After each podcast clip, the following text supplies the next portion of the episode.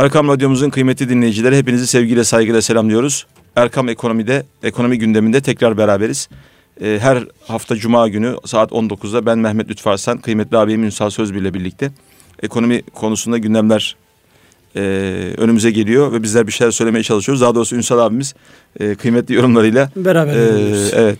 E, geçen bir arkadaşımız böyle çok beğendiğini ifade etti Ünsal abi. E, gerçekten bir e, dinleyici kitlesi oluşmaya başladı. E, bir zamanla inşallah e, daha çok dinlenir, dinlenir, daha çok böyle güzel yorumlar alırız diye ümit ediyoruz. E, tabii ekonomi güzelleştikçe bizim yorumlar da güzelleşir inşallah. Şu anda birazcık ortalık e, sıkıntılı.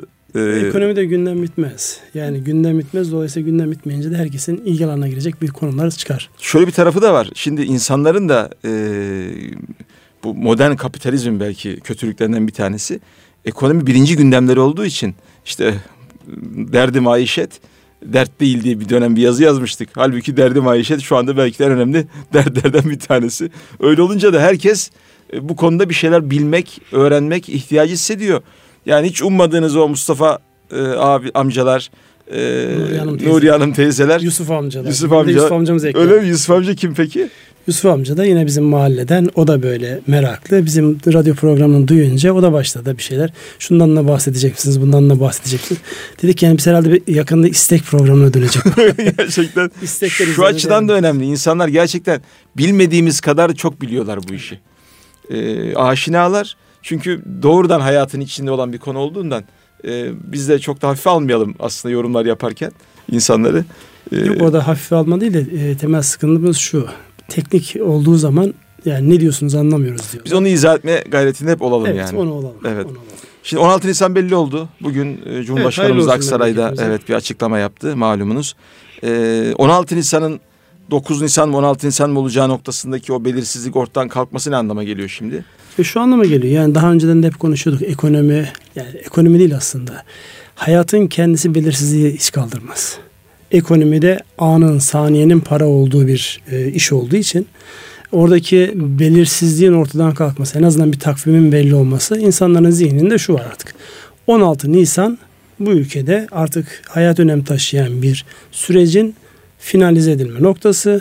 Dolayısıyla o zamana kadar bazı şeyler ertelenecek. Bazı şeyler yani tarih belli olduğu için artık yani Haziran'da mı olur işte Ağustos'ta mı olur diye böyle o kafa karışıklıklar ortadan kalkacak. Dolayısıyla herkes hesabını kitabını yapabileceği bir tarihe kavuştu. Hayırlı uğurlu olsun memleket için. İki tane düğün yapacak arkadaşımız vardı. 9 Nisan mı 16 Nisan mı olsun diye bu tarihi çok ciddi bekliyorlardı. Muhtemelen onların kafası gibi belirsizlikle kalkmıştır. Ee, aslında ekonominin aktörler açısından da 16 Nisan sonrasını nasıl bir e, bekliyoruz? Nasıl bir projeksiyon öngörüyoruz? Bu evetle hayır e, oylarına göre de nasıl değişir onu da sorayım. Ya şimdi tabii e, evetin ayrı sonucu olacaktır. Hayırın ayrı sonucu olacaktır. Yani burada önemli olan yani ülkenin menfaatine hangisinin olacağı. Şimdi hayır olduğu zaman belirsizlik süreci yeni bir e, gündem olarak önümüze gelecek.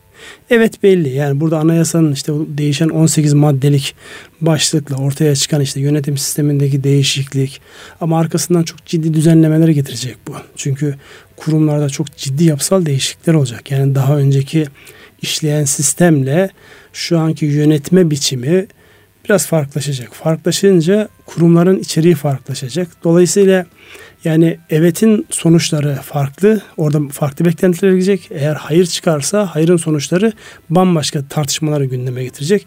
Birazdan e, konuşacağımız konularda da zaten bu zihinle alakalı bir e, genel kabulümüz var. Biraz siyaset bilimi, biraz felsefe, biraz psikoloji oralara girmemiz lazım ki doğru koyalım. Şu açıdan da önemli sanki. Evet çıksa dahi ortada şu anlamda bir belirsizlik olabilir. Çünkü başkanlık sisteminin özellikle Cumhurbaşkanımızın zaman zaman şikayet ettiği oligarşik bürokrasiyi nasıl sarsacağı noktasında da aslında Ankara'da böyle ihtiyatlı bir bekleyiş var anladığım kadarıyla. Yani hem bakanlıklarda hem diğer kamu kurumu kuruluşlarındaki devletin de çok önemli bir aktör olduğunu göz önüne alırsak aslında evetle başlayan süreçte de yine bir böyle e, şey olabilir mi acaba? Bir müpem... Olur. Şöyle olur. Ee, mesela bürokrasiyle alakalı bugünlere baktığımızda yani şu an siyaset müessesesinin işte e, lokalden gelen belli taleplerin yerine getirilmesinde bürokratların üzerinde bir baskı oluşturup bazı şeyleri hızlandırıyor. Şimdi şu e, yeni oluşan mekanizmayla bir müddet yani siyasetin o etkisiyle oluşan değişimler belki gecikebilir. Yani burada aslında bu işin başında olacak olan Cumhurbaşkanı'nın ve merkez kadrosunun yükü çok ağırlaşacak. Dolayısıyla ne kadar hızlı adept olur, ne kadar bürokrasinin o boşluğu seven, bürokrasinin o yani belirsizlikten nemalanan belirsizlikten nemalanan tarzını ne kadar hızlı e, adresleyebilirlerse, belli belirli hale getirirlerse o kadar hızlı sonuç alınır ki zaten bu sistemin değişimindeki temel şikayet konumuz o değil miydi? Evet evet kesinlikle yani şu bu noktayı hep vurgulamak lazım. Gerçekten Türkiye'de bu anlamda e, oligarşik bürokrasi dediğimiz bürokrasinin hep böyle belirsizlikten nemalanan e, yapısını aslında dağıtmak için bu anayasa değişiklikleri yapıldı. Başkanlık sistemi tam da ekonominin sevdiği o belirli, stabil ve gerçekten önünü görebilen bir yapıyı oluşturmanın aslında temelini atmak e, amacıyla kurgulandı. E, biz o noktada ülkemiz için hayırlı, hayırlı olsun diyeceğim ama yanlış yani, yanlış anlaşılır evet, diye korkuyorum. Yanlış anlaşılır. Yani tarihin belirli olmuş olmasından dolayı evet. yani bir netleşme oldu. Yani en azından önümüzdeki günlerde açıkçası biz de yani zorlanıyorduk. Firmalarla beraber çalıştığımız insanlarla yani hangi tarih? Çünkü o kadar önemli ki. Çünkü mevsimsel e, etkilere bağlı işler var atıyorum siz yani Mayıs'ı kaçırdığınız zaman, Nisan'ı kaçırdığınız zaman, Mayıs'ı kaçırdığınız zaman o işi hayata geçirme şansınız yok. Dolayısıyla ne kadar öne çekilirse, ne kadar bu belirsizlik ortadan kalkarsa o kadar iyi olacaktır. Artık bu evetli hayırlı ifadelerde de azam özen gösteriyor. evet, kesinlikle. Geriyor çünkü. Yani hayır hayır ola şimdi bizim e, pazar günleri bir programımızdı. Adını değiştirmemiz. Adını değiştirmemiz lazım herhalde bu gidişle. Efendim şimdi e, ekonomi gündemine e, geçelim isterseniz yavaş yavaş. En önemli gündem tabii varlık fonu. Varlık fonuna gelmeden önce benim birkaç ufak e, haberim daha var. Onları da özellikle paylaşmak istiyorum. Mesela e, genelde piyasalarda bir dur, daralmadan, durgunluktan bahsediliyor. Küçülme söz konusu bir birçok sektörde belki. Fakat ilginçtir. Otomotivde toplam üretim yüzde otuz bir artmış ve e, yüzde on oranında büyümüş Ocak ayında. Yani bu ne, bu hakikaten çok ilginç bir şey. E, nereden kaynaklanıyor bu Ünsal abi? Şimdi ilginç bizim yani e, çok böyle kendi markamız olmamakla beraber otomotiv bizim ihracattaki en önemli kalemimiz. En büyük ihracat kalemimiz. Her ne kadar arkasında onun çok ciddi bir ithalata dayansa da yani otomobil bizim şu an ihracat kalemleri içerisinde bir numaralı kalemiz. Dolayısıyla ihracat noktasında zaten şu an e, temel bakış açısı şu. İhracata dayalı bir büyüme. Zaten bütün verilen hedefler 2023 hedefinde de onlar vardı. Bazı olumsuz siyasi ya da işte o bahsettiğiniz işte o 15 Temmuz gibi olaylardan dolayı inkıtaya uğradı bu. Ama bundan sonraki süreçte eminim ki herkes kendisinin büyüyeceği pazarlara yani geçen defa Afrika'yı konuşmuştuk. Afrika gibi bu ürünleri sattığımız Avrupa'da belli markalar Türkiye'de üretiliyor. Dolayısıyla burada bir büyüme var. Oradaki büyüme tamamen ihracata bağlı. Yani içeride de talep var. İçerideki talep kesilmiş değil. Özellikle bu e, şey biliyorsunuz geçen sene bu e, vergi avantajından dolayı ertelenmiş talepler bir hızlandı. Evet. E, ÖTV'de meydana gelecek artıştan dolayı. Dolayısıyla o stokları bitirdi. Yani hem içerideki stoklara yapılan üretim hem de ihracat bağlantılı olarak böyle bir artış var. Evet. Ee, bir diğer haberimiz çalışma hayatında milli seferberlik ilan edildi malumunuz. Ee, özellikle Nisan ayında, e, Mart ayında mı e, Cumhurbaşkanımız böyle bu gümbür gümbür bu oranları indirmemiz lazım falan dedi. Başbakan da bugün yüzde dokuz buçukta yüzde on buçuk arasında bir e, bekliyoruz tarzında bir şey söyledi. Siz e, ne diyorsunuz bu e, milli seferberlik hakikaten tutar mı tutacak mı? Yani tutmalı bir kere. Yani tutar mı tutmaz mıdan önce bir kere tutmalı. Özellikle e, biliyorsunuz işte 2008'deki Amerika'daki Amerika'dan başlayan krizde ve Avrupa yansımasında en önemli kalemlerden bir tanesi istihdam oranlarının belli bir seviyenin üzerine çıkarılması, işsizliğin azaltılmasıydı. Hatta Amerika biliyorsunuz kendisi için en önemli hedef olarak işsizlik oranını koydu. Ve işsizlik oranı belli bir rakamın altına indirinceye kadar parasal genişlemeden vazgeçmedi.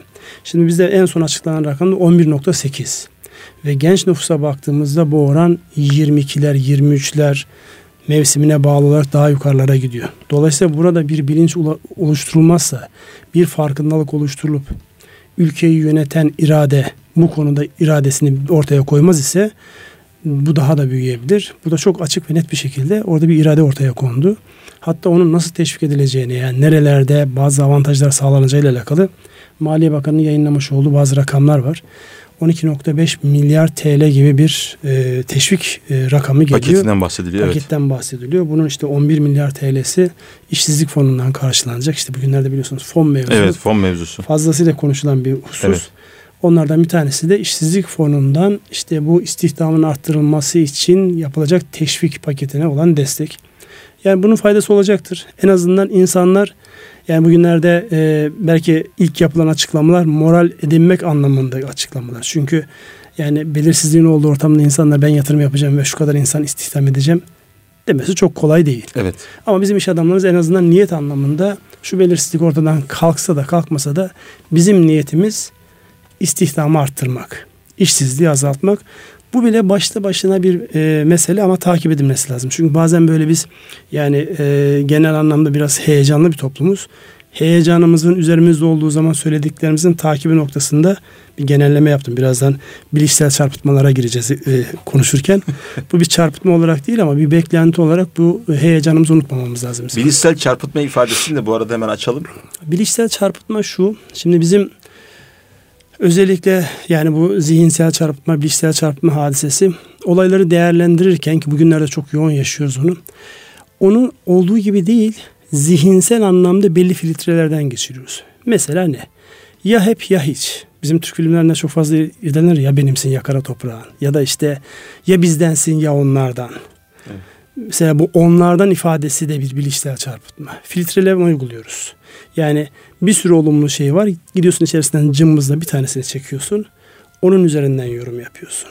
Ya da zihin okuması yapıyorsun. Ben daha fikrimi beyan etmemişim. Benim duruşumdan, kalkışımdan ne söyleyeceğimi, ağzımın şeklinden leblebi mi diyeceğim, başka bir şey mi diyeceğim onu ki akıl okumalar, falcılık, zihni falcılık anlamında. Bunların hepsi bilişsel çarpıtma olarak yani zihni çarpıtma olarak önümüze geliyor. Bütün toplumlarda çok yaygın, şahıslarda çok yaygın. Hepimiz yapıyoruz bunu. Yani biraz böyle dikkatli baktığımızda aşırı genelleme, etiketleme. Mesela bizden bir şey olmaz. Şunlardan bir şey olmaz gibi etiketlemeler.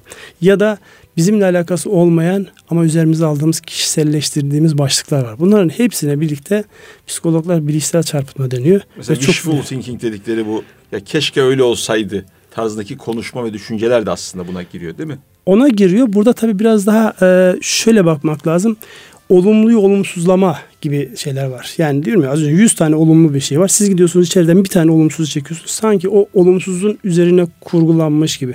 Bunu biz iş hayatında çok yaşıyoruz. Normal hayatımızda da çok yaşıyoruz. Özellikle bu çalışanların işte bu lider koçluğu e, kapsamında baktığımızda herkes altındaki üstündekinden yanındakinden şikayetçi. Ama önemli ölçüde burada şeyleri görüyorsunuz. Hep bu bilişsel çarpma. Bana bunu demek istedi kişiselleştiriyor. Halbuki sana onu demek istemez. Cümleyi dinliyorsun, önün arkasına bakıyorsun. Nasıl bir ön yargın var ona göre onu biçiyorsun, öyle, kesiyorsun. Öyle. Genellemeler yapıyorsun. Ekonomi bilimi de buna çok müsait aslında yani bir. Bizim bugünlerde tartıştığımız şeylerin tamamı bu çerçevede gidiyor. Yani evet, evet. işte varlık alıyorlar bir rakamı değil mi? Varlık fonunun tartışılması, rakamların tartışılması, işte bu işsizlikle alakalı mücadelenin nasıl yapılmasında bir kere bizdeki o genel bir onlar diye bir tabir var. Yani e, biz İstanbul Siyasal'da okuduğumuzda bir hocamız vardı rahmetli Cemil Oktay'ın bir kitabı vardı. Hum Zamiri'nin Serencamı diye bir kitap vardı. Hum evet, Arapçada malumunuz evet. onlar demek. Biz onlar ifadesini kullanmayı çok seviyoruz. Hatta bu biraz daha bugün hikmetse psikolojiye gireceğiz. Freud'un o ego, it ve süper ego kısmındaki o it Türkçe'ye o diye çevriliyor. Halbuki benim dışımdaki her şey. Onlar yani. Bu onları insan olarak biz çokça kullanıyoruz. Bizim siyasetimizde ve olayları değerlendirirken bizim dışımızda olanlar, bizden olmayan herkes o onlar çokça sık kullanıyoruz ve onların adına yorumlar yapıyoruz. Onlar var ki diye başlayan cümlelerimiz evet, evet. var. Aslında onları tarif ettiği zaman kendini de tarif etmiş kendini oluyorsun. tarif etmiş. Çünkü onların içerisinde kendini koymadığın andan itibaren negatifin bu. Ya da onlar negatifse sen pozitifsin. İşte ee, onlarla başladığın zaman e, söylenen her şeyi o onlar kapsamı içerisinde az önce söylemiş olduğumuz o bilişsel çarpıtmalarla beraber olduğu yerde değil senin götürmek istediğin yerde değerlendiriyorsun. Evet. Siyaset de bunu çok kullanıyor. Siyaset bunu çok kullanıyor. Siyaset bunu çok kullanıyor. Herkes ama yani bunun şey yok sağ sol ortası falan yok. Evet, Herkes kullanıyor. Bu siyaset zaten belki bunu bir şekilde hani liderlikte de bir portre çizer lider. Seni de oraya inandırır. Kendi rüyasıdır o. Ve hayat böyle olacak der. Gerçek böyle olacak. Böyle tecelli edecekler hatta. Ve ona da belki e, inandırma sanatıdır liderlik. Götürme sanatıdır. İkna sanatı. İkna sanatıdır. O anlamda da gerçekten e, Türkiye bir liderler ülkesi yani. evet yani Türkiye artık dünya enteresan liderlerin olduğu dönemde. Birazdan şeyde konuşuruz herhalde. Yani e, iktidar çabuk sonuç almak ister. Dolayısıyla kendisine kısa yol tuşlar oluşturmaya çalışır. Yani bazen diyorlar niye böyle diyor. İşte niye yeterince tartışılmadı? Niye bu böyle olmadı? Burada çok açık yani bunun niyesi besbelli. Yani niye şu güç siyasi irade ya da o an yöneten bir an önce sonuca ulaşmak ister ki kendi başarısını tescillesin. Bundan daha tabii bir şey. Ha karşısındaki de bunu olabildiğince engellemeye çalışacak evet, ki evet. onun hanesine değil de eğer becerebilirse kendi hanesine yazılsın bir şeyler. Evet, evet. Ee, gelelim haftanın en önemli konusuna Ünsal abi. Varlık fonu. Şimdi Ağustos geçtiğimiz yılın Ağustos ayında aslında kurulmuş bir fondan bahsediyoruz. Fakat birkaç gün evvel e, ilginç bir e, manevrayla işte içerisinde Ziraat Bankası'nın, Türk Petrolleri Anonim Ortaklığı'nın ve e, birçok hazine hissesinin devredildiği bu fon bir kere ne anlama geliyor? Varlık fonu e, kavram itibariyle yani bir e, gelişmiş ülkelerde de rastlanan bir e, ekonomik e, kurum olarak bir kere ne anlama geliyor varlık fonu? Buradan başlayalım. Önce ben şu manevra ifadesine bir itiraz edeyim. bir manevra yok burada. Yani burada çoktan beri düşünülen yani Türkiye'nin kalkınmasını sadece Türkiye için geçerli değil tabii. Bütün kalkınmak isteyen ekonomiler kendilerini bir anlamda hızlandıracak mekanizmaların peşinde olurlar. Az önce söylemiş olduğumuz o iktidar olmanın, yönetmenin temel erklerinden bir tanesi o. Temel motivasyonlarından bir tanesi. Şimdi burada hükümet uzun zamandan beri özellikle bu büyük yatırımlarda kaynak oluşturma noktasında zaman zaman zorlandı. Yani işte özellikle bu üçüncü köprünün, üçüncü havalanın yapılmasında işte nereden fonlanacak, işte bankalar mı yapacak, bankalar nasıl yapacak diye orada bir zihni zorlanma oldu. Hatta uzun zamandan sonra hazine garantili olarak bazı projeler yapıldı. Şimdi yönteminiz şu ya içeride özel sektöre bırakacaksınız. Özel sektör zihnini kabullendiği şeyler yapacak ya da kamu olarak siz bazı avantajlar sağlayacaksınız. Nedir? İşte kredi oluştururken ona hazine garantisi vermek gibi. Bu varlık fonu mevzuda daha çok böyle fazla veren ülkeler işte petrol üretip fazla veren ülkelerdi. İşte nerede bu? İşte Rusya'da, Suudi Arabistan'da, işte Çin gibi ihracat fazlası veren, Almanya gibi her şeyin fazlasını veren ülkelerde, Japonya'da hakeza, Japonya hakeza öyle. Tasarruf fazlası olan yerlerde e, bu fazlalığın nerede değerli? Bunların bir kısmı ekonomiktir, bir kısmı politiktir. Mesela Japonya'nın çok ciddi bu Afrika'da ve Orta Doğu'da çok ciddi yatırımlar oldu bir dönemde. Niye? İnanılmaz fazla veriyor. Bu fazlalıklarla hem oradaki piyasayı kontrol ediyor hem de e, kendi elindeki şeyleri stratejik avantaj sağlıyor. Mesela gittiğiniz zaman Suudi Arabistan'a falan gittiğiniz zaman görüyorsun her taraf Japon arabalarından geçilmiyor. Evet. Yani e, petrol üreten ülke normalde Amerikan arabalarını da kaldırır fazla yakan ama onlar ısrarla Japon arabalarını tercih ediyor. Çünkü Japonya'nın orada stratejik bir konumlanması var. Şimdi de Korelilerin. Şimdi böyle bir fazlalığı değerlendireceğiniz bir yapı. 20 geliş yani G20 diye tabir ettiğimiz o en e, büyük ekonomisi olan 20 ülkeden sadece Türkiye'nin varlık bir fonu varlık yoktu. fonu yok. Hmm. Tu. Şimdi oluyor. Şimdi Türkiye ne eleştiriyor? Bununla alakalı çok sorular var. Yani işte niye kuruluyor? Biz fazla mı veriyoruz? İkinci bir hazine mi Genelde şöyle bir eleştiri var Ünsal abi. Hemen onu orada girmiş olayım. Diyorlar ki daha çok da biraz da bahset önce de bahsettiniz. Cari açık fazlası veren veyahut da işte petrol zengini ülkelerin ne yapacağım ben bu parayı şeklindeki kaygılarından ortaya çıkarak oluşturulmuş fonlardır bunlar. Ve dediğiniz gibi daha çok deniz aşırı ya da işte bir takım stratejik yatırımlara yöneltilir. Şimdi Türkiye gibi cari açığı olan e, bir ülkenin varlık fonu oluşturması Standard Poor's'ta geçen hatta bir rapor yayınladı. O da çok böyle anlamlandıramamış. Kaldıraç kavramıyla onu izah etmeye çalışıyor. E, temel sahip burada nedir? Buradaki temel sahip şu. Sizin borçlanarak belli şeyleri yapma şansınız her zaman mümkün olmuyor. Yani hazinenizi borçlandıracaksınız. Gidip kamu eliyle belli yatırımlar yapacaksınız. Bu en klasik yöntemdir. Ama finans dünyası dünyadaki finans piyasaları hep yeni ürünler, yeni araçlar istiyor. Şimdi varlığa dayalı e, menkul kıymet diye Türkçe'ye çevirdiğimiz yani varlık üzerinden hareket edilerek ona dayalı olarak üretilmiş kağıtlar var dünyada. Bu çok yaygın. Yani buna işte seküritizasyon deniyor uluslararası finans literatüründe. Bizde de bir ara işte varlığa dayalı menkul kıymet vıdımık diye de Vıdımık diye, e, evet, özetle, evet. özetlenmişti. Şimdi bu aslında onun ta kendisi. Yani burada şunu yapıyor. Ben e, tasarruf fazlası olan bir ülke değilim. Petrol ihracat eden bir ülke değilim. Cari fazla veren bir ülke de değilim. Ama benim kalkınmaya ihtiyacım var. Benim büyük projelerim var. Bunların bir şekilde fonlanması lazım. Neyle fonlayacağım? Borçlanarak fonlayabilirim. Borçlanmayı ya devlet eliyle yaparsınız ya da bankacılık sistemi üzerine yaparsınız. Ama orada vadelerde bir sıkıntı var. Vadeler daha kısa oluyor. Sizin projeleriniz uzun vadeli finansmana ihtiyacı var. Bu yöntemle yani devletin elinde bulunan birazdan sayarız 11 tane çok önemli yani deve dişi diye tabir edebileceğimiz yani dev boyutlardaki firmaları siz bu fonun içerisine alarak burada bir değer oluşturuyorsunuz.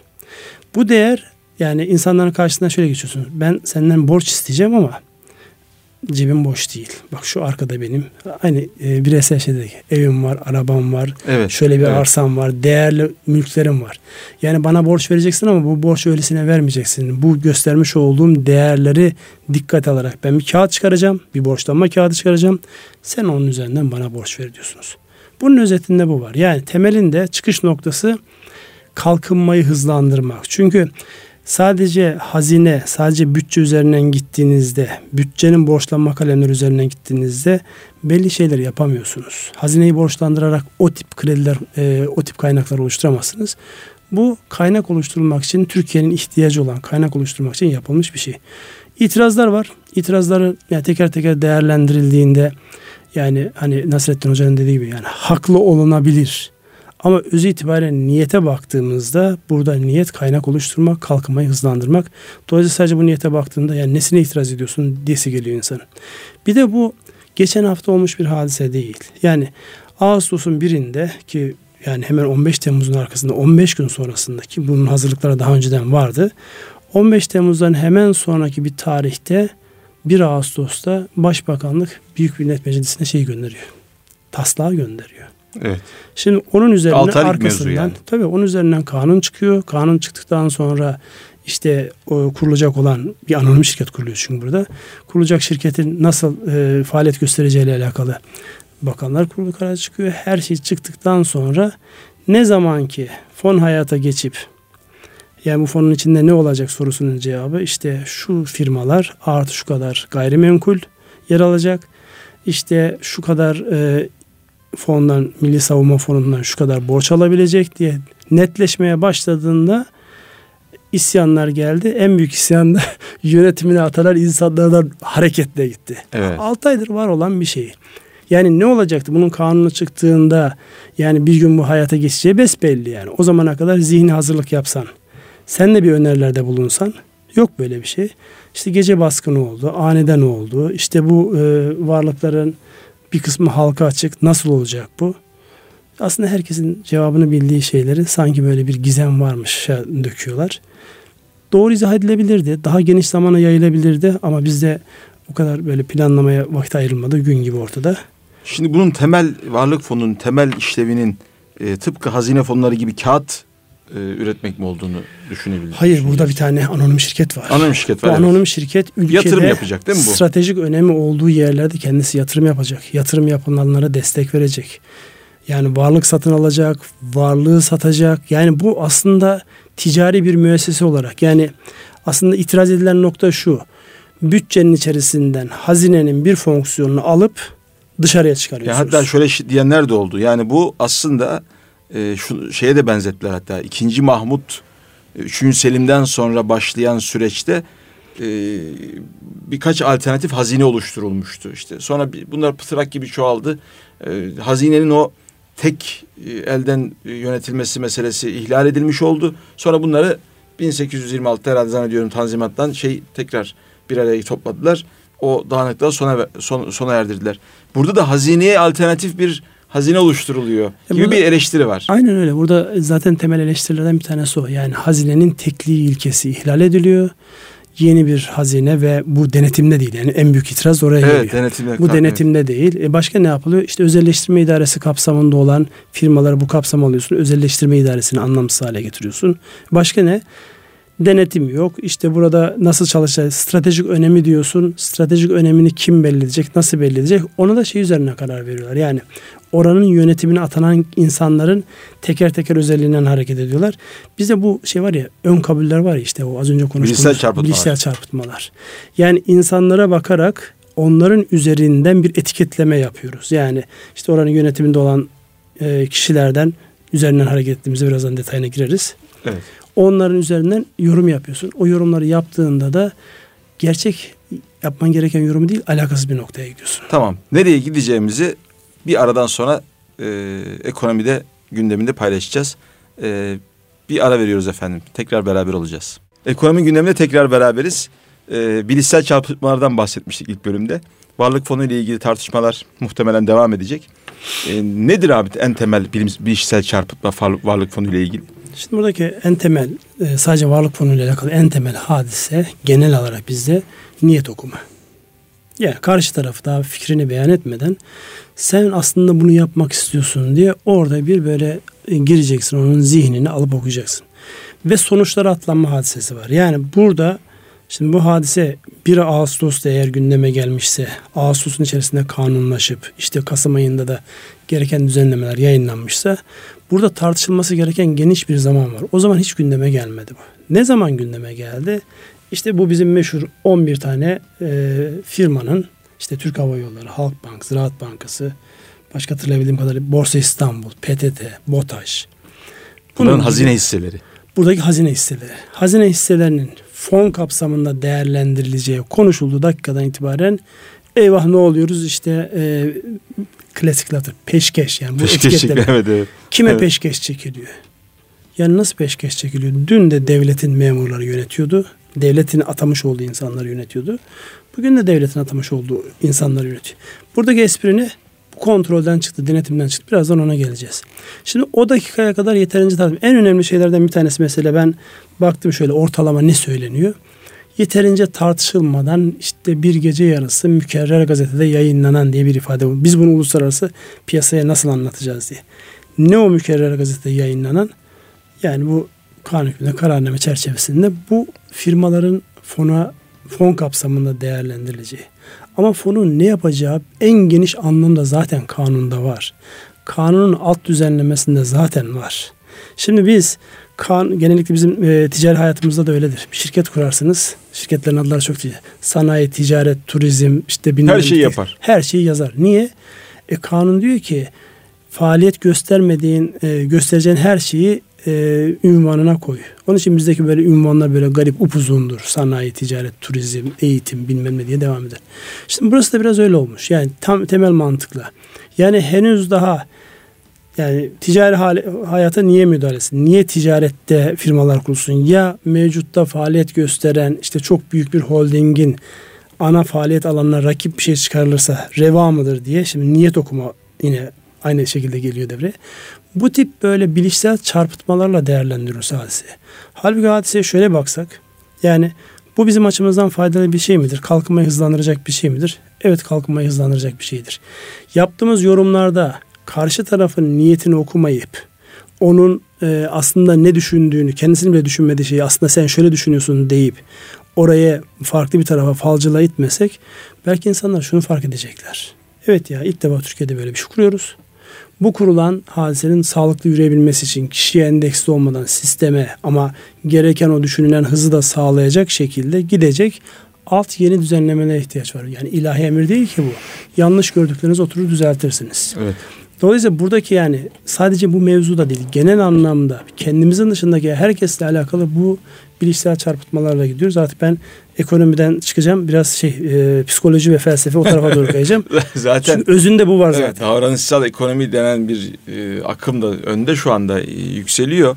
E, hayatın ne kadar içerisinde olduğu, psikolojiyle ne kadar iççi olduğu ekonominin ve algı yönetimi olarak Algı da zaten ciddi anlamda bir e, beklenti e, yönetmek olduğu aslında zaten belli. Bu anlamda da çok doğru e, tespitler yapıyorsunuz Ünsal abi. Varlık fonunun emeklilik fonlarından farkı ne? Şimdi biz e, biliyoruz ki bize daha evvel sermaye temerküzü gerekiyor. Hele hele şimdi 45 yaş altındaki memurlara getirilen ikinci emeklilik hakkı gibi de ifade edebileceğimiz o fon da aslında bu, bu tür bir sermaye temerküzünü hedefliyor e, demiştik. Bu varlık fonu da as, aslında aynı mantıktan mı hareket ediyor? Şimdi tam aynı mantıktan değil. Yani orada emeklilik fonlarında şöyle bir hadise var. Bizde tasarruf oranı düşük. İnsanı bir şekilde insanları bir şekilde tasarrufa teşvik edeceksiniz. Neyle teşvik edeceksiniz?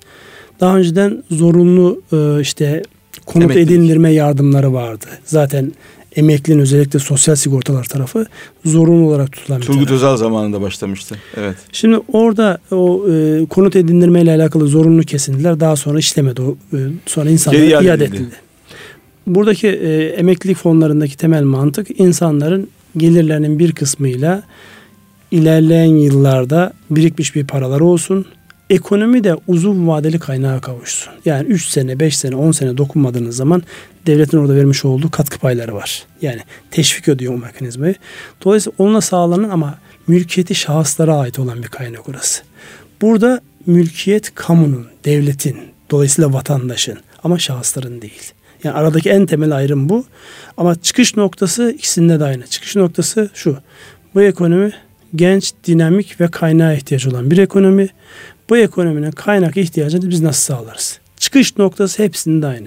Ama biz bu çıkış noktasını ıskalayıp da kim nasıl yönetiyor, nereden, hangi niyetle burayı işte birilerinin çiftliğe haline dönüştürüyor diye baktığımızda ya da bu niyetle baktığımızda olay normal mecrasından çıkıyor, faydalı olması mecrasından çıkıyor, bambaşka noktaya gidiyor.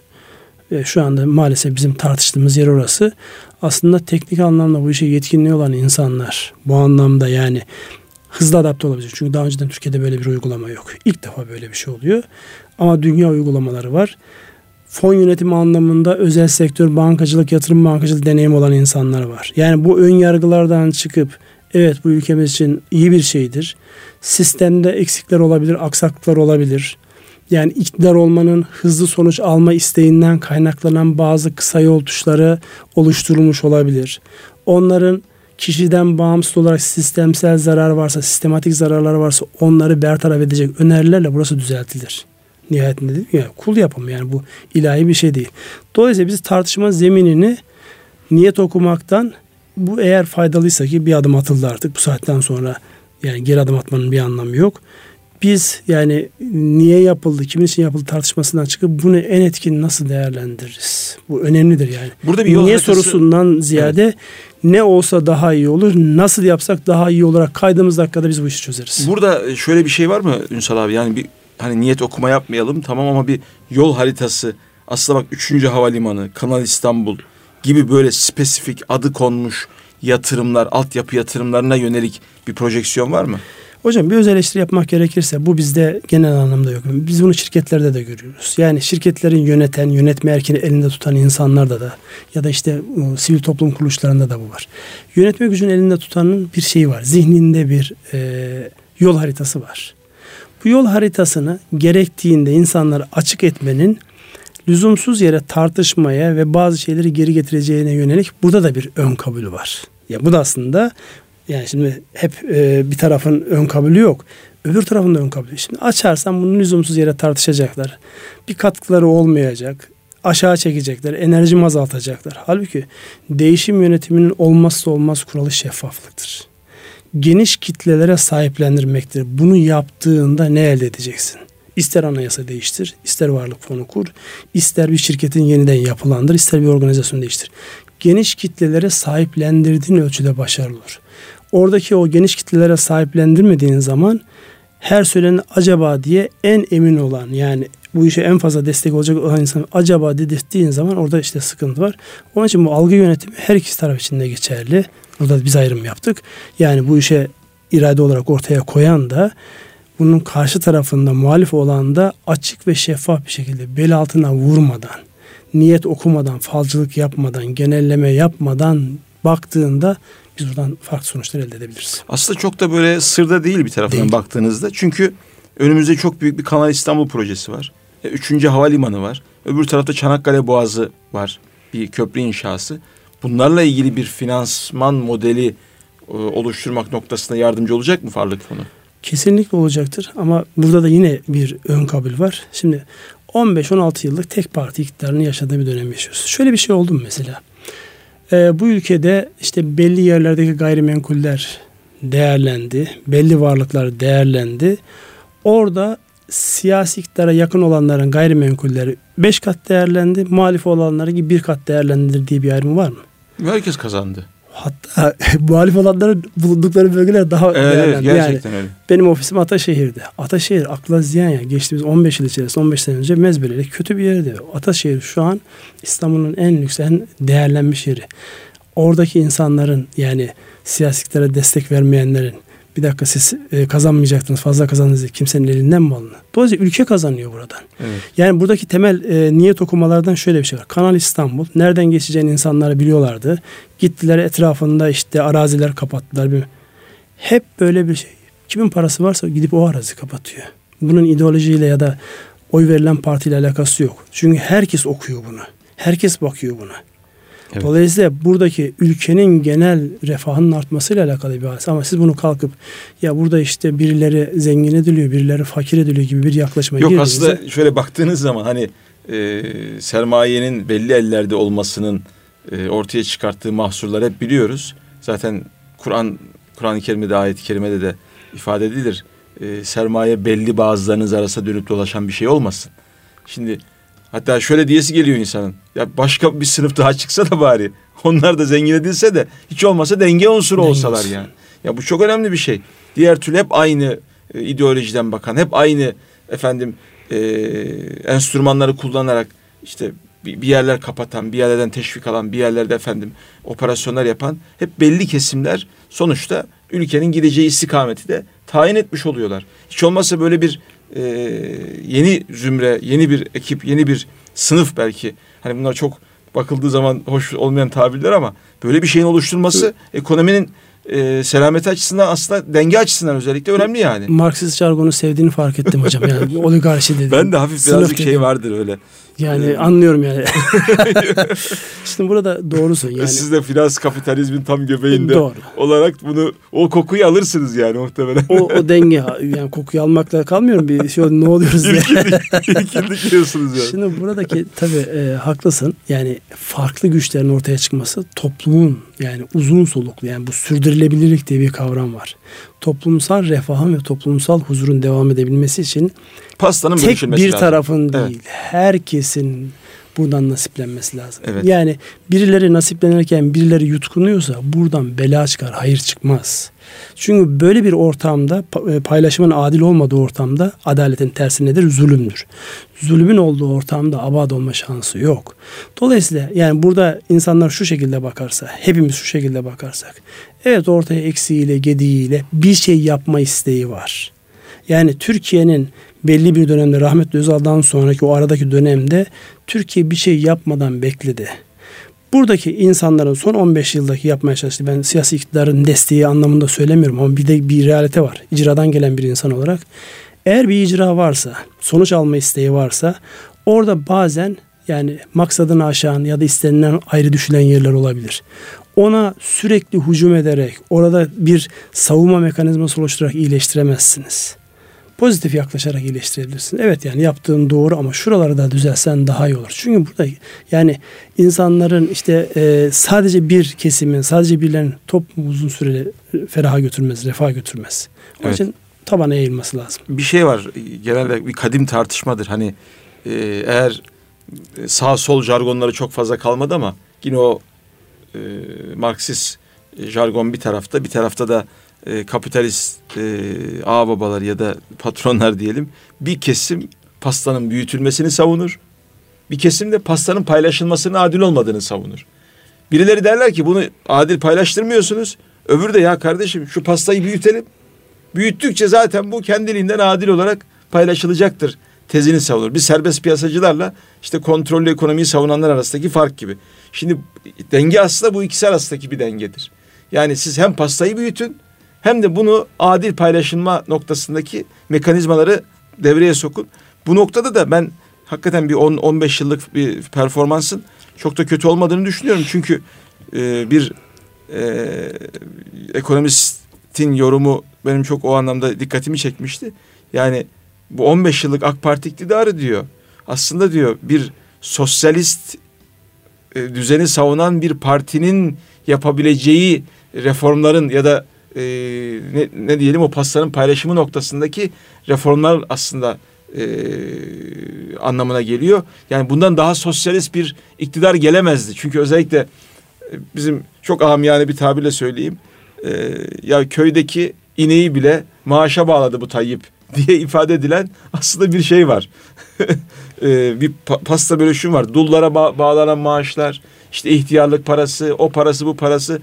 Yani ve bu hakikaten belki e, devam ettiği müddetçe e, birçok sosyal hani, asgari ücretin 1300 TL'ye çıkartılması yani bütün bunlar belki e, siz nasıl karşılıyorsunuz bir o finans kapitali göbeğinden gö- konuşan ben olarak. bu konuda bu konuda seni dinlerken e, rahmetli Nurettin Topçu geldi gözümün önüne. Anadolu sosyalizmi. Seni seni görseydi seninle iftihar ederdi yani ondan ondan emin olabilirsin.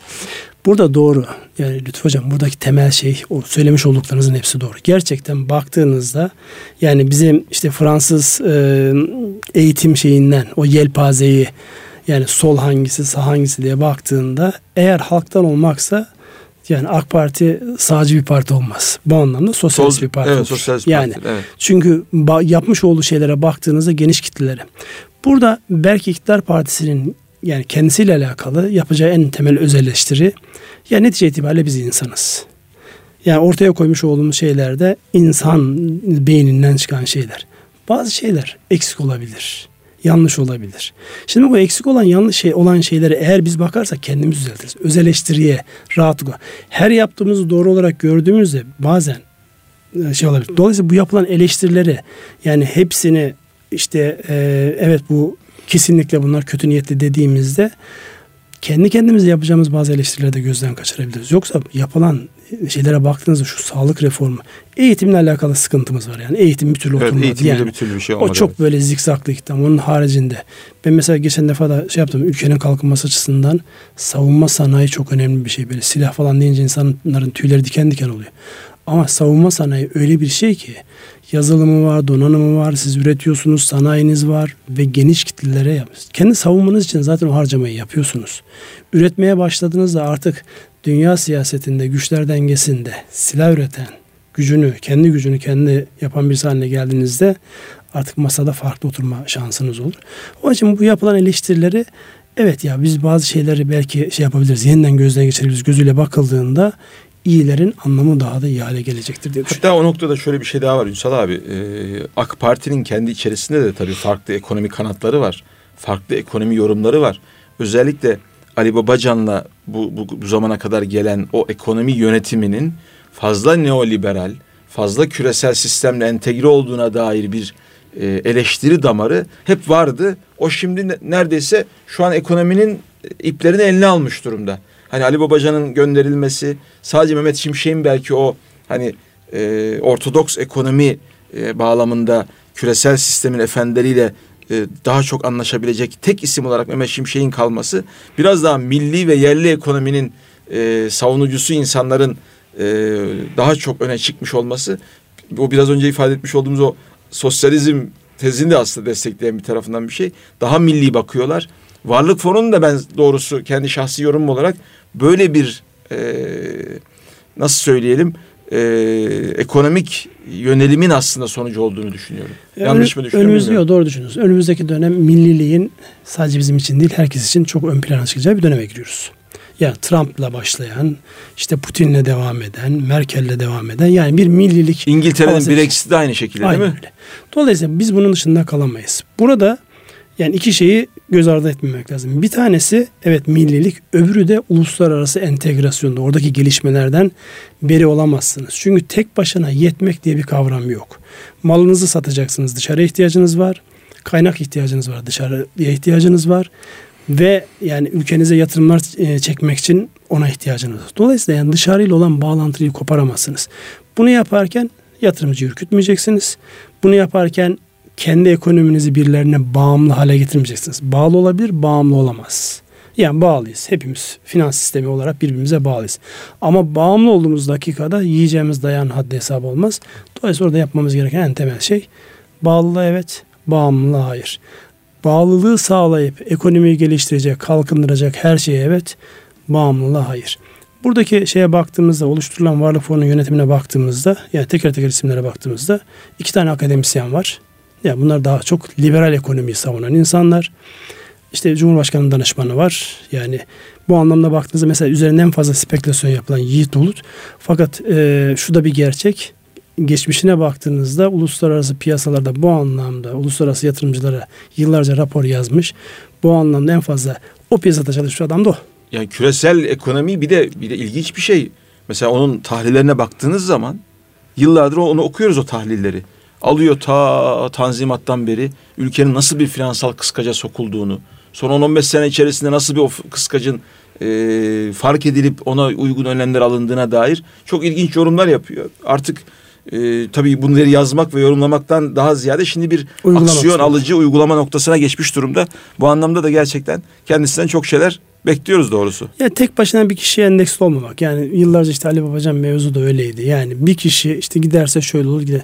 Yani bir kişi mevzu değil. Sistemi işletmek ve sistemin yeni beyinler üretmesi lazım. Yeni bu anlamda katkı sağlayacak insanlara yatırım yapıyor olması lazım. Herhalde bundan sonraki süreçte bizim hepimizin üzerine düşen yani teker teker hepimizin üzerine düşen geçmişte edinmiş olduğunuz bilgileri hala hazırda edinmekte olduklarınız ve gelecekte edineceklerimizi bir sistematik içerisinde bizden daha iyi olacakları aktarmak. Evet. Onu yaptığımızda yani beyinleri gelişmiş beyinleri biz üretmeye başladığımızda işte Üstad Necip Fazıl'ın dediği işte fabrika üreten fabrikalar burada da beyin üreten beyinleri ürettiğimizde biz kazanacağız. Evet burada da en temel belki e, dikkat etmemiz gereken noktalardan bir tanesi bugün Ünsal abinin gündeme getirdiği o bilişsel çarpıtmalardan e, uzak durarak minimize yani arı duru zihinlerle bu işi yapmak en önemlisi diye düşünüyoruz. Arı doğru zihnin yolu da arı duru kalpten geçiyor efendim. Biz böylece tekrar kendi e, söyleyeceğimiz sözü e, getirmiş olduk. E, bir ekonomi gündeminde daha e, vaktimizin sonuna geldik. E, kıymetli Ünsal abimize teşekkür ediyoruz. E, biz her cuma efendim saat 19'da burada Erkam Radyo'da kalbimizin frekansındayız. Bir sonraki programda görüşmek üzere. Hepinize Allah'a emanet ediyoruz. Hayırlı akşamlar, hayırlı haftalar.